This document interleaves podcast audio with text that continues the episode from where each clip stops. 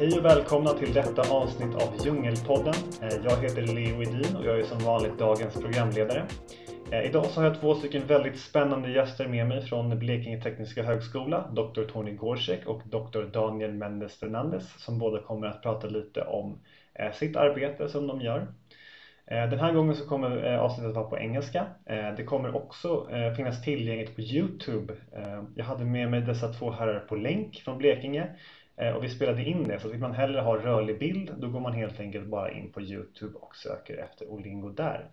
Eh, avsnitten finns också på olingo.se och där kan ni hitta inspelade webbinar och annat bra matnyttigt som vi bjuder på. Eh, men nog om det, här kommer podden. Welcome to the podcast. Um, to the, we're back after the pandemic. Today we have very two very distinguished guests, um, and today we're coming for for the first time ever in English. So we're very happy about that. Uh, please help me give a warm welcome to uh, Dr. Tony Gorschek and uh, Dr. Daniel Mendez Fernandez, both from uh, Blekinge Tekniska uh, Högskola. Welcome, gentlemen. Thank you. Thank you very much for having us. How are you today? Is this your first uh, time on a podcast? Yeah, maybe. Yeah, probably. It's kind of weird. Yeah. Not for me, but it's still weird. Yeah. so, yes, yes. No, we I, I think we're in our home uh, arena, which means we're kind of comfortable and uh, relaxed in the sofa. And we're not awake enough yet to be scared, so it's fine. yeah, that's good. Perfect, perfect um, mindset then. Uh, Tony, we're going to start with you. Could you just, just uh, give us a short introduction to, to who are you and what sort of work uh, do you do? Sure. So I'm a professor here at BTH in uh, the SERL Group, which is a software engineering research lab. I work primarily as a research scientist and a, and a leader uh, of several projects. And most of the work I do, I do together with company partners. So um, basically what we do is as a team, we try to identify challenges, long-term challenges, and then try to solve them uh, um, together and find the researchable kernel and then look at how can we be the engine of research for the companies and do stuff they don't have time for. Mm. and at the same time do uh, stuff which is relevant for them and researchable. Uh, and that's a very interesting challenge. Mm. interesting. Uh, we're going to we'll go, go uh, deeper into that subject but first uh, daniel welcome you as well. Tell us about yourself. Thank you very much so I'm as well a professor for software engineering, uh, a colleague of Tony at the same group. Uh, and next to that, I'm heading a small research group at uh, fortiss. It's a research and transfer institute in Munich, a public one, nonprofit research institute. And I joined BTH uh, two years ago now, and uh, I would say found my home professionally speaking, found my home and and yeah before that i was um, at the technical university of munich and uh, but we might be ending up talking about that and why i changed.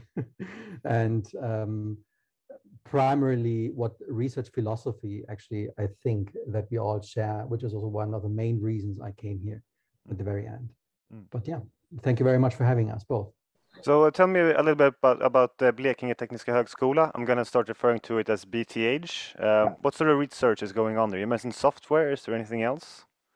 Yeah, I mean, so BTH is the smallest uh, technical university in Sweden. Mm -hmm. I th still think so, actually. And I like that because it's kind of a startup, mm -hmm. more of a startup than most universities, which is kind of cool. And we do a lot of things here, but much less than most universities because we're more focused, more profiled. So we do computer science, software engineering, healthcare, um, and uh, sustainability and, and engineering in general. Uh, and it's very focused on applied sciences, right? Mm. So, so uh, nothing wrong with all types of science. It's just that our speciality is working with the people who use the stuff we develop, right? So, so we work very closely with companies, and most of our funding is from companies uh, and funding agencies. And but it's kind of the collaboration between uh, companies and us, which is kind of the unique thing. Uh, normally, you don't have that much interaction and and that close of a tie, mm. and that's kind of the why I'm here. Mm. I would say, um, simply because you kind of get the real challenges and then if you solve the real challenges you kind of get proof if it works or not in reality right and not just in research papers but actually in reality and i think that's what keeps me interested Hmm. at least Uh, likewise, if I may add, uh, small or among the smallest universities, small in terms of yes, university, uh, but in terms of department, I would say among the largest. Yeah. Um, uh, department for software engineering, uh, at least, both of which I consider a strength for research and education. Um, many of the concepts we use in teaching, they do not scale. And it's a big difference uh, having to teach 800 students in one lecture hall uh, and having the privilege, I should say, to teach 30 to 40 students in a lecture hall where you Yeah. can really convey certain messages, principles, methods much, much, much better. So in that sense, this is also definitely one of the reasons I like it here so much. I think we're, I mean, you're right. I, I think from a, in, in software engineering, which is basically everything and anything related to software intensive products and services. So think about a car, but also think about the information systems. So the water that comes out of your tap is controlled by computer systems in some way to pure software. I mean, anything related, that's kind of software engineering. Mm. And we're probably the largest, one of the largest, Yeah. or the largest software engineering group in Sweden but at a fairly small university. And I think that combination makes it flexible and, and adaptive, um, which means that we can work much closer to industry partners uh, when we're solving problems, which is kind of unique uh, compared to many other universities who have other strengths, of course, more base science, right?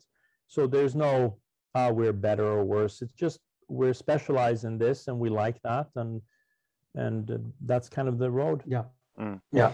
You mentioned earlier uh, that you were working with applied sciences, and I and I'm thinking about the word applied. Is is all research and science not applicable? What's what separates you from the rest? That's a touchy subject. How many people do you want to make angry? No. So I would say this. Um, uh, they are, uh, th- this is a big subject, and we're research scientists, which means that we, we can discuss this for hours. But keep it simple. What do you say about this definition? If you can you if you can solve a problem and use the solution, scientifically achieved solution within five to ten years, Mm. and it's actually used in industry and not something that's theoretically maybe going to be used in 50 years, then I would say it's applied. Yeah. And if you kind of base the problem at company sites and then try the solutions once it's devised at the company, and you collect data if it works or not at the company, then I would say it's applied. Is that a reasonable definition? Definitely. I think one one key element to applied research is listening to practical problems and trying to focus on solving them. And to a certain extent, this also means that you as a researcher need to jump over your own shadow, I would say. Mm. Um, very often we, we have many great colleagues uh, in the research community uh, who hum, somehow stick to certain, let's say, research flavors. Uh, one example is formalization or formal methods. Yeah. So formal methods have a certain strength. Everything has its place in software engineering, and, and formal methods, um, for example, in terms of quality assurance, model checking, for example, has its place in a larger picture. But sometimes I have the feeling that many of these colleagues just formalize for the sake of formalization. Yeah, because they learn to do it, they do it, but they don't really listen to to practical problems. One small anecdote, if I may, Yeah. just very very quick anecdote. Um, when I so I studied computer science, the more traditional computer Mhm. science and, and cognitive neuroscience, which was back then something to compensate. I wanted to go for robotics originally, and before I learned better. Uh, anyway, and uh, I was at a software engineering uh, uh, research uh, chair, um, which I appreciated and still do a lot. But uh, one of the core philosophies was formalization, formalizing everything. And I remember that uh, back then, the rise of agile methods. Uh, one of my seminar topics I had uh, was to apply process algebra to formalize agile methods, and I was always wondering why. So why? And I've I've never. Sometimes you just you know need to leave that ivory tower, Mm. certain extent, Yeah. and look at from a certain humble perspective, maybe what the actual problems are. And we still apply scientific research methods Mm. very much indeed.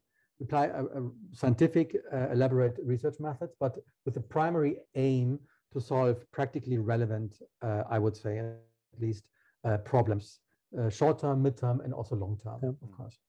I would say that uh, I- I see it like this. If I'm really good at using a hammer, right, Mhm. then everything looks like a nail, right?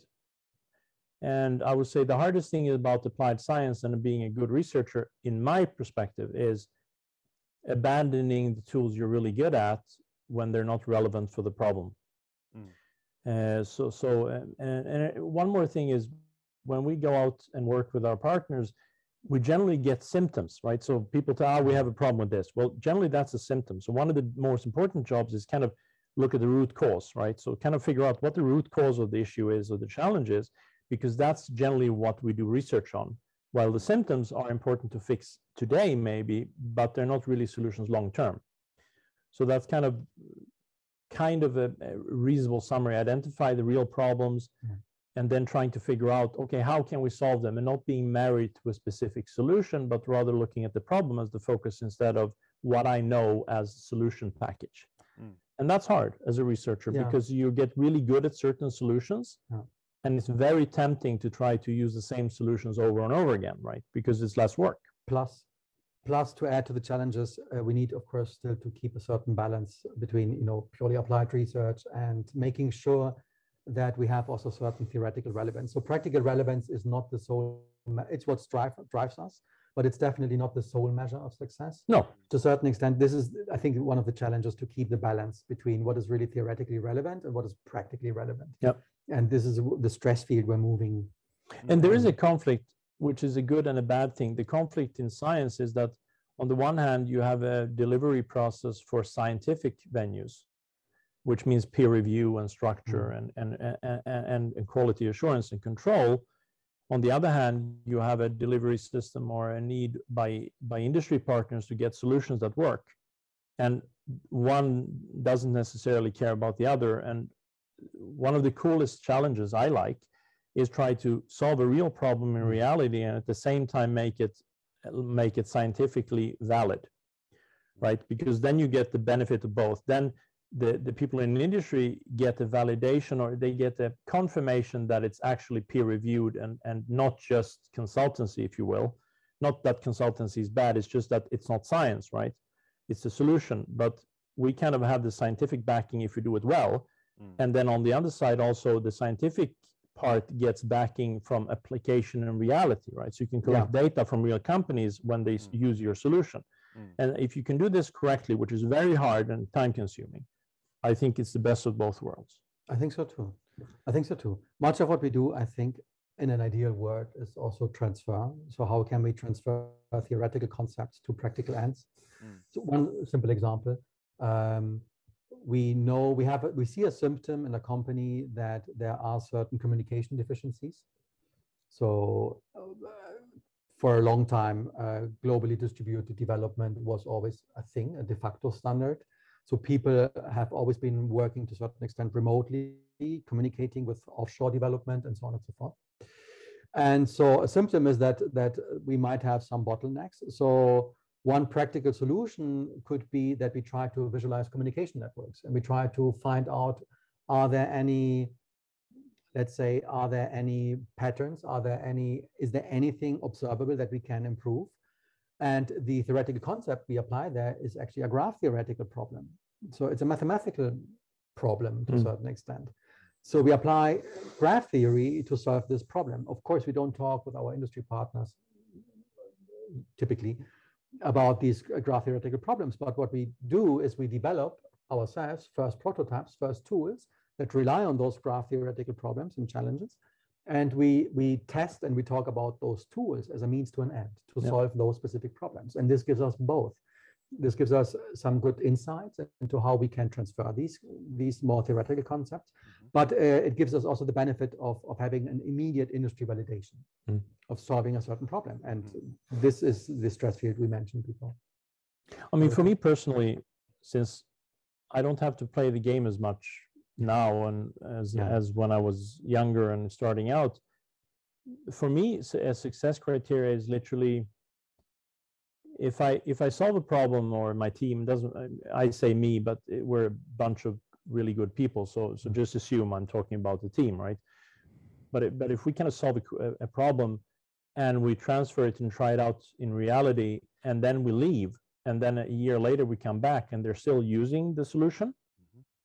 Without us, that's successful from an industry perspective. And that's, mm-hmm. I think, our ultimate goal is to kind of have solutions that work without us and are mm. worth investing in so that because they actually solve a problem. Mm. And that's that's not easy. I think uh, it's, I think it's a really interesting aspect the fact that you're working so closely with the industries, and I, I, imagine it sets you apart from a lot of other different institutions. So I was just curious, why did you choose to go this route? How did you end up? Like, why did you uh, decide to connect so with the industries? So, well, it's arrogant to say, uh, yeah, it was, you know, we decided. No, I, I think it's an evolution. Mm-hmm. I, I, think there's um, there was a very long time where where research was uh, slightly too theoretical to be applicable fast, mm-hmm. And and there were many problems in industry that were kind of solved theoretically but never applied. Right. So one of the biggest problem, one of the largest th- things we do is when we identify a challenge we kind of look at what's already been done. And many times stuff is semi-solved. Then we kind of massage a already present solution and our contribution is transferring it and making it work in reality, right? So we can actually reuse more base science for our solutions, which is kind of the point, right? We don't want to reinvent the wheel all the time. Mm-hmm. Now, the reason why we kind of, it's a good niche and it's a niche that has huge importance and is growing, the need for it. And we're still too few working in this way. Mm. That's one thing. And also, I think most of us here have worked in industry and work in mm. industry and like working in reality, mm. if you will. And here we can kind of do the best of both worlds. I, I can kind of be a person working in industry, but at the same time, not selling hours, right? but I'm selling solutions. And I really like that idea that I can be honest, mm. right? So I, I can, I, I, don't have to play the game, you know, the game of hours or money or politics. I can just be brutally honest and, and nice, of course, but still honest. Mm-hmm. And, and, I, I like that from a sanity perspective, for me at least, yeah. because I like solving problems. I like working with tough challenges in reality. And I like to see if my stuff works or not. Mm. Uh, and I think uh, I, I think that's kind of uh, a nice summary of why it's cool to work here. I think so too. And I think that all of us at the department have a very different background, but we all share a certain set of commonalities, which is exactly this evolution that mm. Tony mentioned. For me, it was, I mentioned earlier, I, um, as I said, I was studying computer science in a more theoretically oriented environment, which in retro perspective is great because it gave me the tools or made me understand the tools we still use today. Um, but I missed this direct connection to industry problems. So I did my my diploma, which is today's equivalent to master's degree, at a company, stayed at the company, but this was a little bit too much driven by purely economic factors. I was working mm. in, um, in the avionics sector and then I got the great opportunity of doing my my uh, taking a research position at a different university, technical university. However, my PhD I did mostly at a company. So I was literally from Monday to Thursday sitting at a company at the research and development department, department talking with developers, talking with engineers, and Fridays was my university day, despite being employed by the technical university. And these first two years of my PhD were, for me personally, eye opening, um, leading exactly to this shared set of you know cherished principles and doing applied research that we still do today. Hmm. And for me, this was the so in, in SERL Sweden, this is exactly the environment that I would say gives us these or unifies everyone based on those mm. shared uh, principles. Mm. Yeah. It sounds very exciting. And and Tony, you are actually the head of a, a project called SERT, uh, which is yes. we got in touch with you. Could you tell us a little bit about that? Yeah, so software engineering rethought is is kind of the name of it. So uh, the idea is to so when I did my PhD, there were great people uh, supporting me and working applied with industry and and and and uh, and there were I mean uh, Claes Wohlin, Michael Mattsson were were kind of the the pioneers in in in, in having the guts really to to kind of start working with the industry much more than than was normal. And then we kind of took took the banner when when they're kind of handing over the banner and, and we're trying to run with it and do even more applied science right? Mm. so so you, it's kind of a stage model because traditionally science is very in four doors which means or four four walls which means that you kind of want to do even more with companies. Um, and I, I think we're running with this. And the SERT project is kind of the latest latest iterations of this and what we're tr really trying to do is identify a number of burning problems right like for example, complexity and size is growing, and at the same time, speed of delivery and flexibility of the companies delivering the products and services needs to be faster. And this per definition doesn't work together, right? And then if you break the problem down in further, you have uh, uh concepts like asset management, uh, or a bad word of that, the technical debt, right? Mm-hmm. Um, but it literally is. Um, and then you, but you also have human factors. So how do you how do you automate the boring stuff, but actually use people for the things they're best at? Mm-hmm. And you have I mean, just examples. You have uh, sensible automation. So which parts are more expensive to automate than beneficial, and vice versa. And there are many of these micro challenges in the big picture.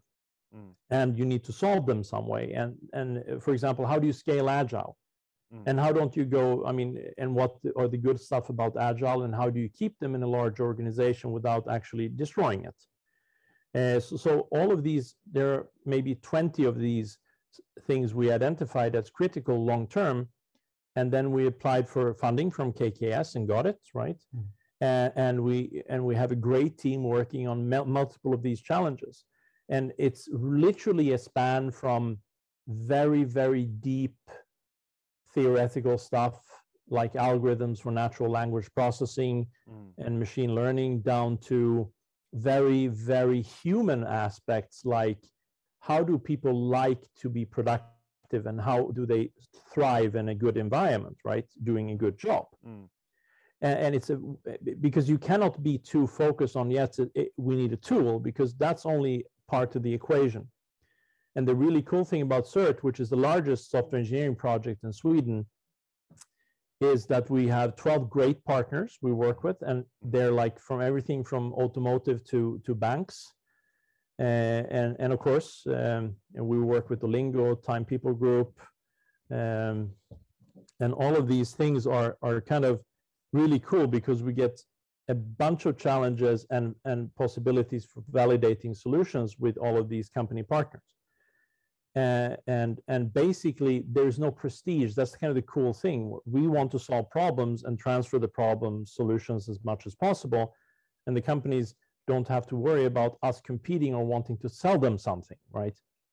And i think that's a great dynamic because then the, there's no need to trust me simply because if the solution works and we can prove it works mm. there's no trust involved right? And that's kind of a cool concept that you invest only what you invest in terms of implementing solutions you need anyway. So uh, these these projects you mentioned, did you start with a hypothesis yourselves and then, then you saw the industry? So did the industry come to you first with their problems? How did it come about? So it came about in a combination.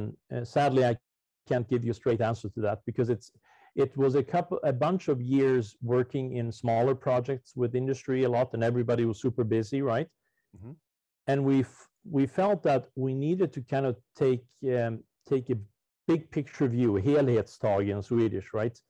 Uh, and look at okay, we're doing solutions in in for certain companies in certain tracks, but there's so much more we can do if we kind of work together and combine these things. Mm. So a bunch of us actually sat down uh, and and kind of said, okay, what are the challenges we've observed the last three four years? And we kind of did that work eh, as a hypothesis or a bunch of them really. And then we immediately confirmed them with our partners and companies. And we of course modified them and massaged them until we had a really good idea what's the biggest stuff the next 10 20 years mm. we believe right? Based on everything we know. And that's kind of the embryo for for for the application and and subsequent project. And then the interesting thing is the project of course changes while we're doing it right? Because the world is changing. So if you look at what we said originally in the project it's the same direction and same point but the small stuff in terms of exactly what we look at changes because we learn while we're going right? Yeah. and the partners challenges also change. So there's always change even for us. Uh, and i think that flexibility is important by design. Yeah. I think this is important to Yeah. understand. The project has been designed that way that we can adopt based uh, in joint discussions uh, with industry partners Yeah. and based on their problems that we can adopt. I think Tony mentioned that, uh, I don't know if I have to rephrase, but that we are not married by convenience to certain topics or No. predefined Mm. core set of topics. Mm. And I think this is the core of SERT also. Yep. In this project, that we go as we see fit based on research interest and problems we're trying to solve and competencies, of course, that Yep. we have. I think the largest challenge is kind of not allowing. So we would, I would like to have 40 partners in the SERT project. The problem is, it's very, it's a lot of work with 12 partners, right? Mm. Because uh, they they want. We have too little time to actually solve the problems, even if we're a big team. Mm. So uh, ultimately, my biggest frustration, I would say, not being able to invite more partners and work with more of them, and also um, that the larger project you have, the more coordination there is, Yes. right? And that also requires energy and time. It's it's not that it's uh, difficult or, or or not fun. It's just that it takes time from the problem solving. Uh, so, so it's it's it, it's kind of cool. Uh, I mean, I see it as an opportunity for all of us to do relevant work and not chasing stuff, but rather focusing on the problems. I like that a lot. How long would you say these projects are on average?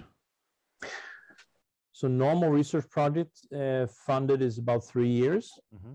uh, but the SERT project is six to eight, eight years, I would say. A little depending on um, uh, ramp up time, because one of the largest challenges in, in any big venture is finding the right people, right? Mhm. uh, because you might imagine that there are a lot of people doing the work, but there are sadly radically too few good engineers in the world, Mm. and even fewer researchers uh, with the right mindset. Uh, and and that's a big challenge. I would Yeah. say our largest challenge is finding excellent people, Mm. and not because there aren't excellent people. It's just that the niche of excellent people is fairly small that want to work close with industry, have the right mindset for problem solving, and have the right background. Uh, and and we're recruiting anything and everything from all over the world. The only thing we care about, yes, Tim, for example, no, but we care about being a good problem solver. We don't care about anything else.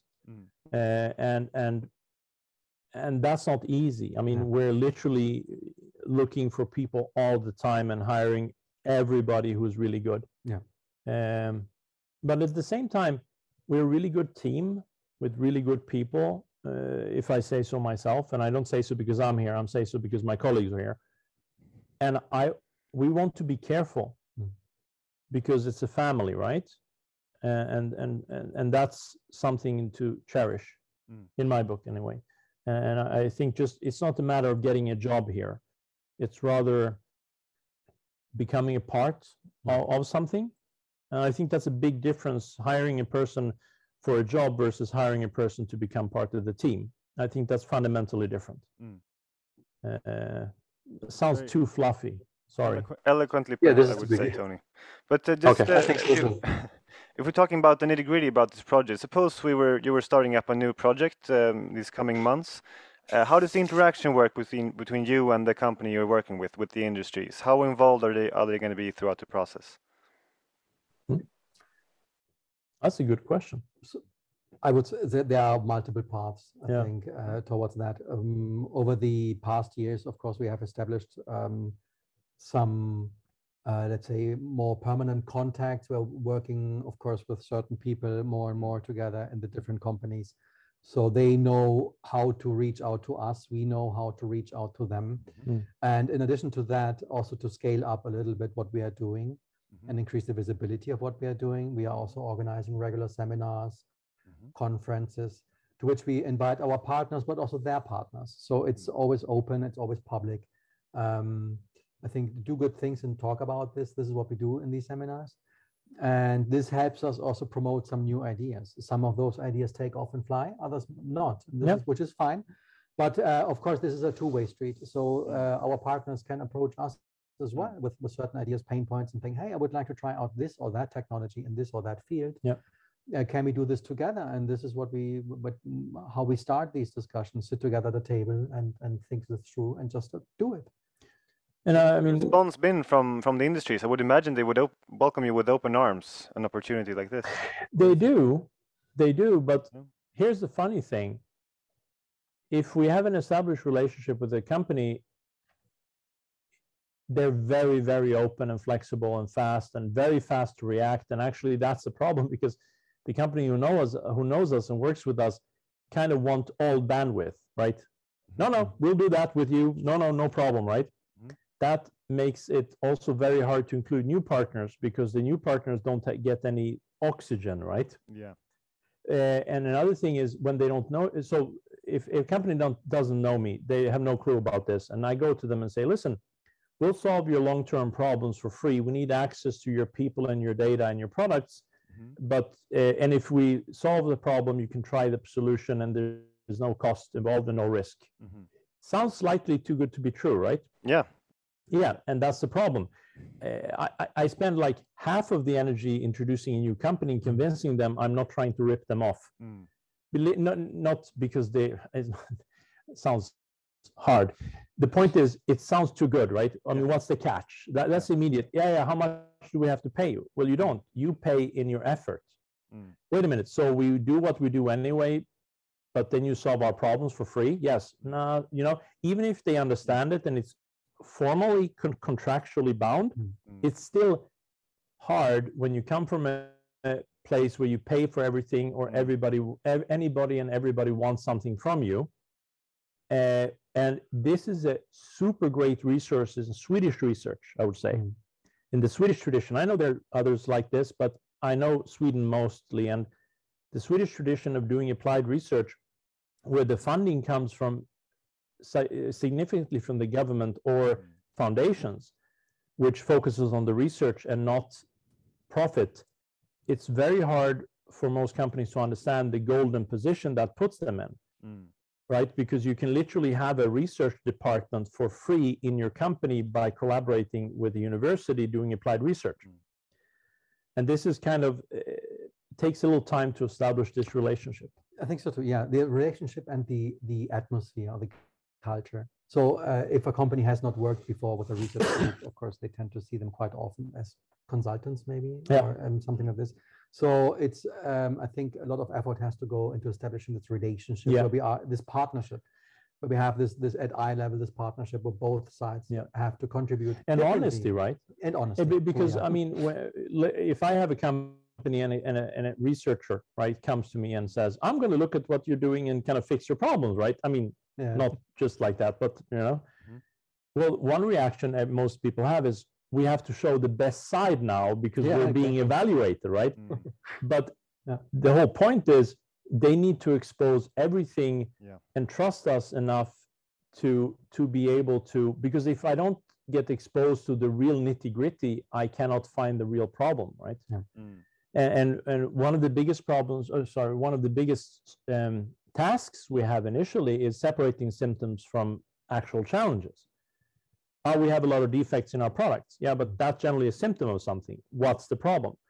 Right. And it might turn out four four steps deeper that you find that, oh, it's it's um, bad requirements, right? Mm. So the requirements process is not good. Well, and that process takes time and trust because we need to Mhm. penetrate it to objectively be able to see this. Mm. And and this requires time. So building up a relationship with the Yeah. company takes years. yeah. Mm. Uh, but of course, the good thing is you can reuse it, right? So about 70, 80% of the company partners we have we had long relationships bef- before SERT. Mm. And then we always try to introduce a couple of new partners in the new project so we get new blood and new challenges. Mm.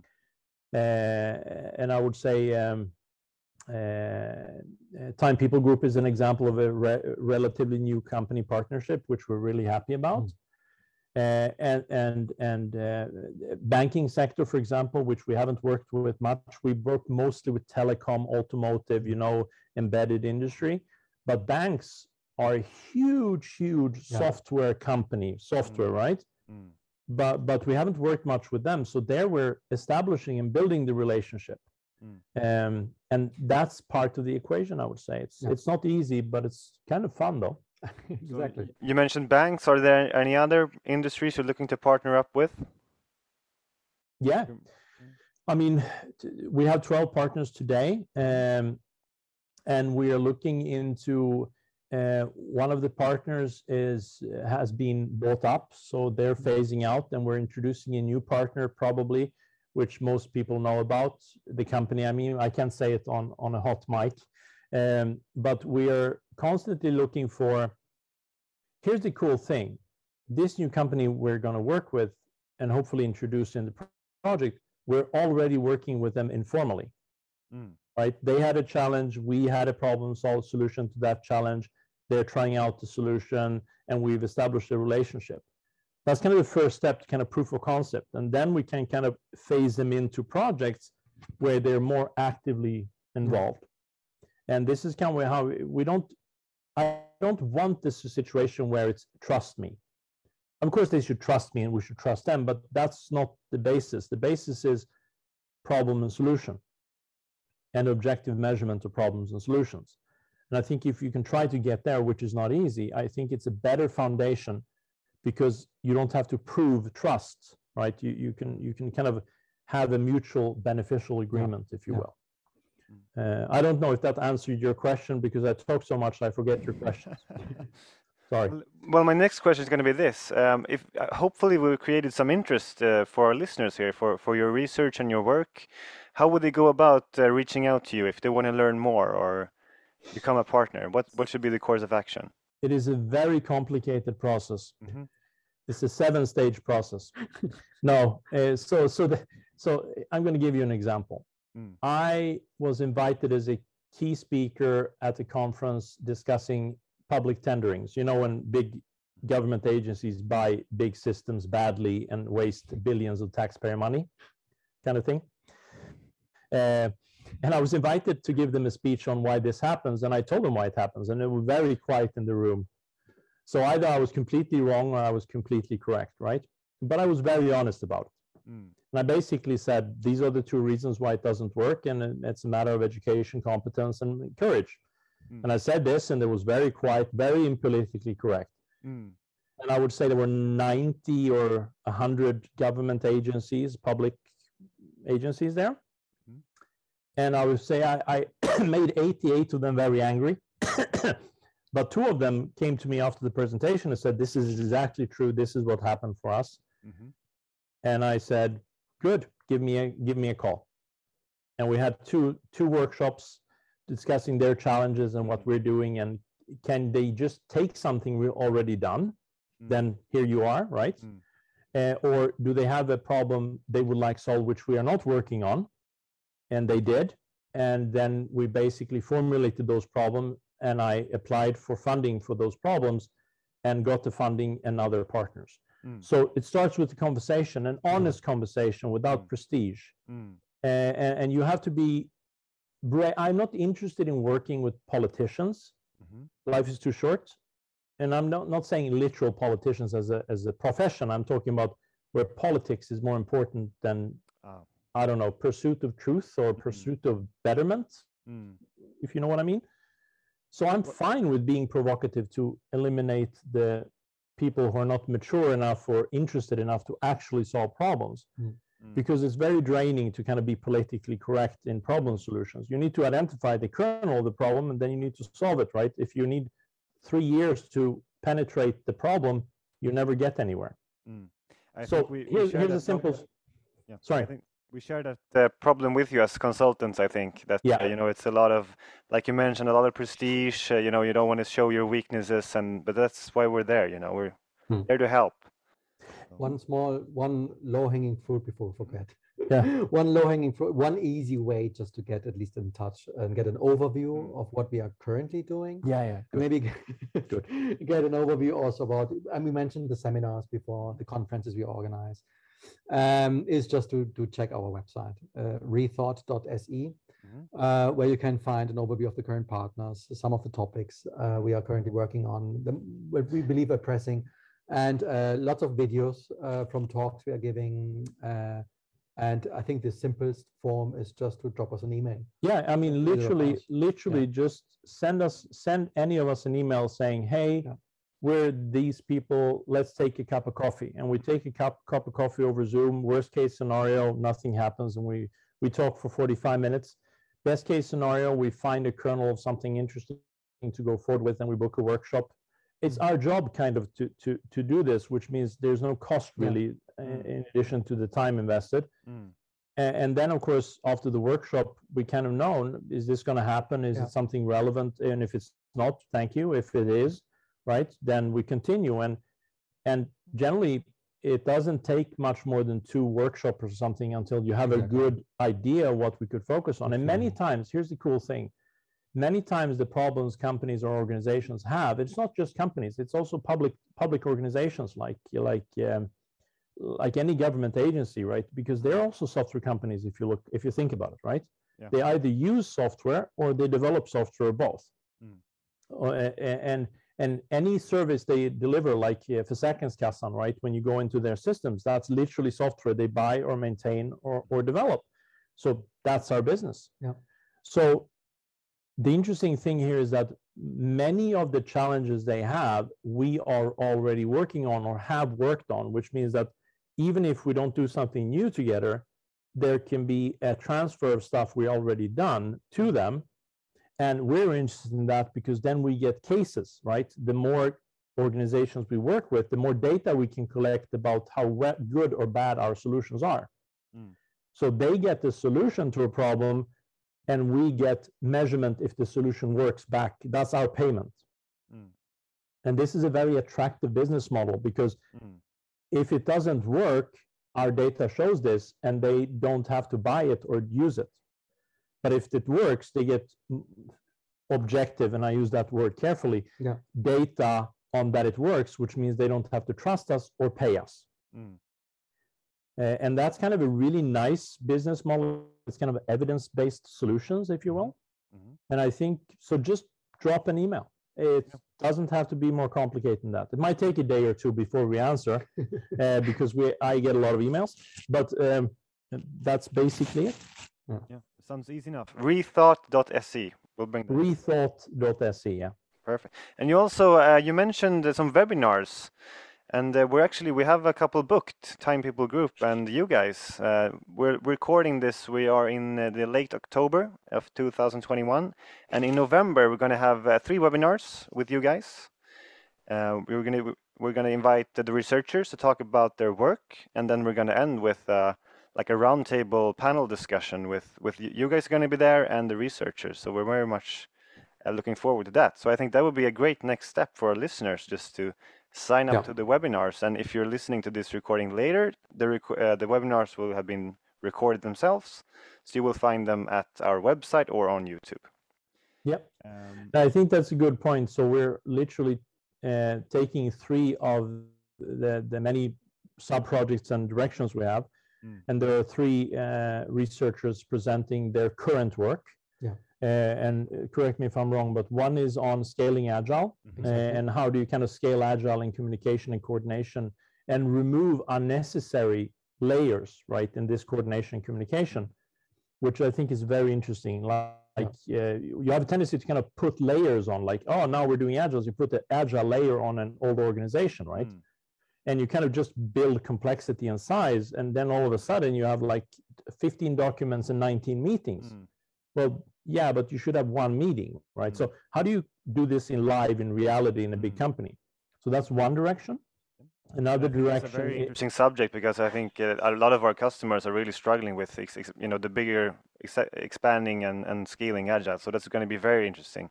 yeah, And then you mentioned that tech, you, you were talking about technical depth earlier. Yeah, I don't like that word Yeah, because it's misused. I, I see it as asset management. So Asset uh, management. think about it like this: Mm, when you're developing a product, right? The product and all the things around it, like test cases, design, documentation, code, everything is assets, right? Has a value. You've invested in it, and it is, has a purpose. How do you manage those assets over time? How, how much can they become old and degrade? Mm, and what's the cost of that degradation? Like you don't update your documentation. Just an example right? Mhm, well what does that cost? Is that the problem? And that's generally used the, the term for that is generally used as technical debt. The problem is debt kind of assumes that you should pay it back but that's a too narrow perspective. You should rather think about it like this. What's okay to ignore and what is not okay to ignore long term? Mm. and then technical debt is part of that but only part. Mm. So so think about it this long term because most products you develop last a very long time in one way or form or another right? You might rebrand it restructure it you reuse it right? Mhm, but how do you manage all the stuff around it and not just the code? And this is a big big thing if you want to be competitive because it's one thing that you'd invest in development of the product or service but the real costs comes every day when you have it right mhm, so so that's kind of the perspective how you do this in a reasonable way Mm. uh, and uh, that's everything from human parts to really technical measurement parts right um, so that's one and the last topic is Continuous everything. continuous everything Continuous yeah Everything. So- sensible, or we- we like to phrase it, sensible automation. I Yeah. would say maybe. so so basically how do you how do you in a development cycle achieve a good continuous row of deliveries Hmm. i mean it's a lot of hype the the latest hype is continuous right continuous integration and delivery right that's kind of the new hype words right Mm. Uh, but the idea has been around for a very long time so the question is how fast should you be what's the actual cost and benefit of doing this? Because most people kind of look at the development organization and say ah the, you know we do continuous engineering here. Yeah but what's the point of continuous engineering? Well the point is continuous feedback from customers to improve your product. Well what most people miss is how do you then collect that data and include it in the decisions for what to do in the products? Mm. and so it's if you do continuous engineering it's actually transforming the entire company not only the development Mm. which means how do you measure the investment of that the cost of doing that for the entire organization versus the value Mm. uh, so we're working on a maturity model for figuring out where you are and how far you need to go but also a return on investment model what should you focus on in terms and what are the bottlenecks you can have a perfectly aligned process and organization and then there are two bottlenecks that basically make all the investments of the rest meaningless Uh, and i think that's also a very interesting seminar Yeah. Mm. and I think all of these three- seminars and i'm proud of this just want to end with that all of these three seminars right which are really cool i don't present and he doesn't present that's our team and our younger team members and that's really Mm. cool Mm. That's the point of all of this Mm. right Mm. hiring smarter people than me and you and doing stuff without us having to do it but rather we work as a team and, and i'm very proud of that that three team members who are younger than us do I think this so too. Yeah. Just creating Yeah, an environment where they can Yeah. develop. Yeah, fantastic. And I think, like you mentioned, the webinar webinar subjects are really interesting, and I think it's perfect in this day and age that we are in now. I think it's very uh, actual, so I think it's uh, perfect. And uh, um, I think we're going to end on that. I think we're going to say, uh, as uh, to our listeners, that if you're interested in these webinars, go to olingo.se or timepeoplegroup.com to register. And I will um, say a big thank you to Tony and Daniel for for being part of the podcast. Uh, Thank you. Thank you for having us. Back on, maybe we could do a, a deep dive into more of the research. But it's been great to getting to know you guys and and the great work that you're doing. Um, so if uh, do you have any have any last uh, message to our audience uh, before we leave? No, don't trust us. Exactly. Look, look at the look at the seminars and and invite and invite the researchers Mm. and see what happens. I I I would say that's a better proof Yeah. of anything we do, right? Instead of me trying to convince people of anything, To the point. right? Yeah. Uh, Same page. and I think that's what we want, right?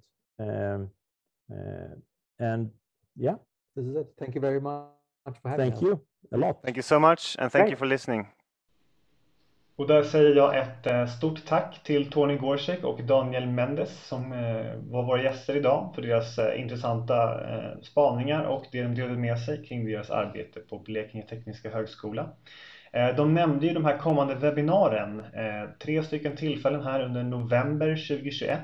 Så att ni som är intresserade av det, ni går in på lingo.se. Där kan ni läsa mer och anmäla er. Är det så att du lyssnar i efterhand och känner att jäklar, det här borde jag ha varit med på. Var inte orolig, de här webbinarierna kommer att finnas inspelade på Olingos Youtube. Eh, så gå gärna in och titta där. Det finns redan nu ett helt eh, bibliotek med intressanta webbinarier som vi bjuder på. Eh, och sen så vill jag då också slå ett slag för rethought.se som alltså är hemsidan för Blekinge Tekniska Högskola och deras CERT-projekt som vi pratade om idag. Så stort tack för att du har lyssnat och på återseende.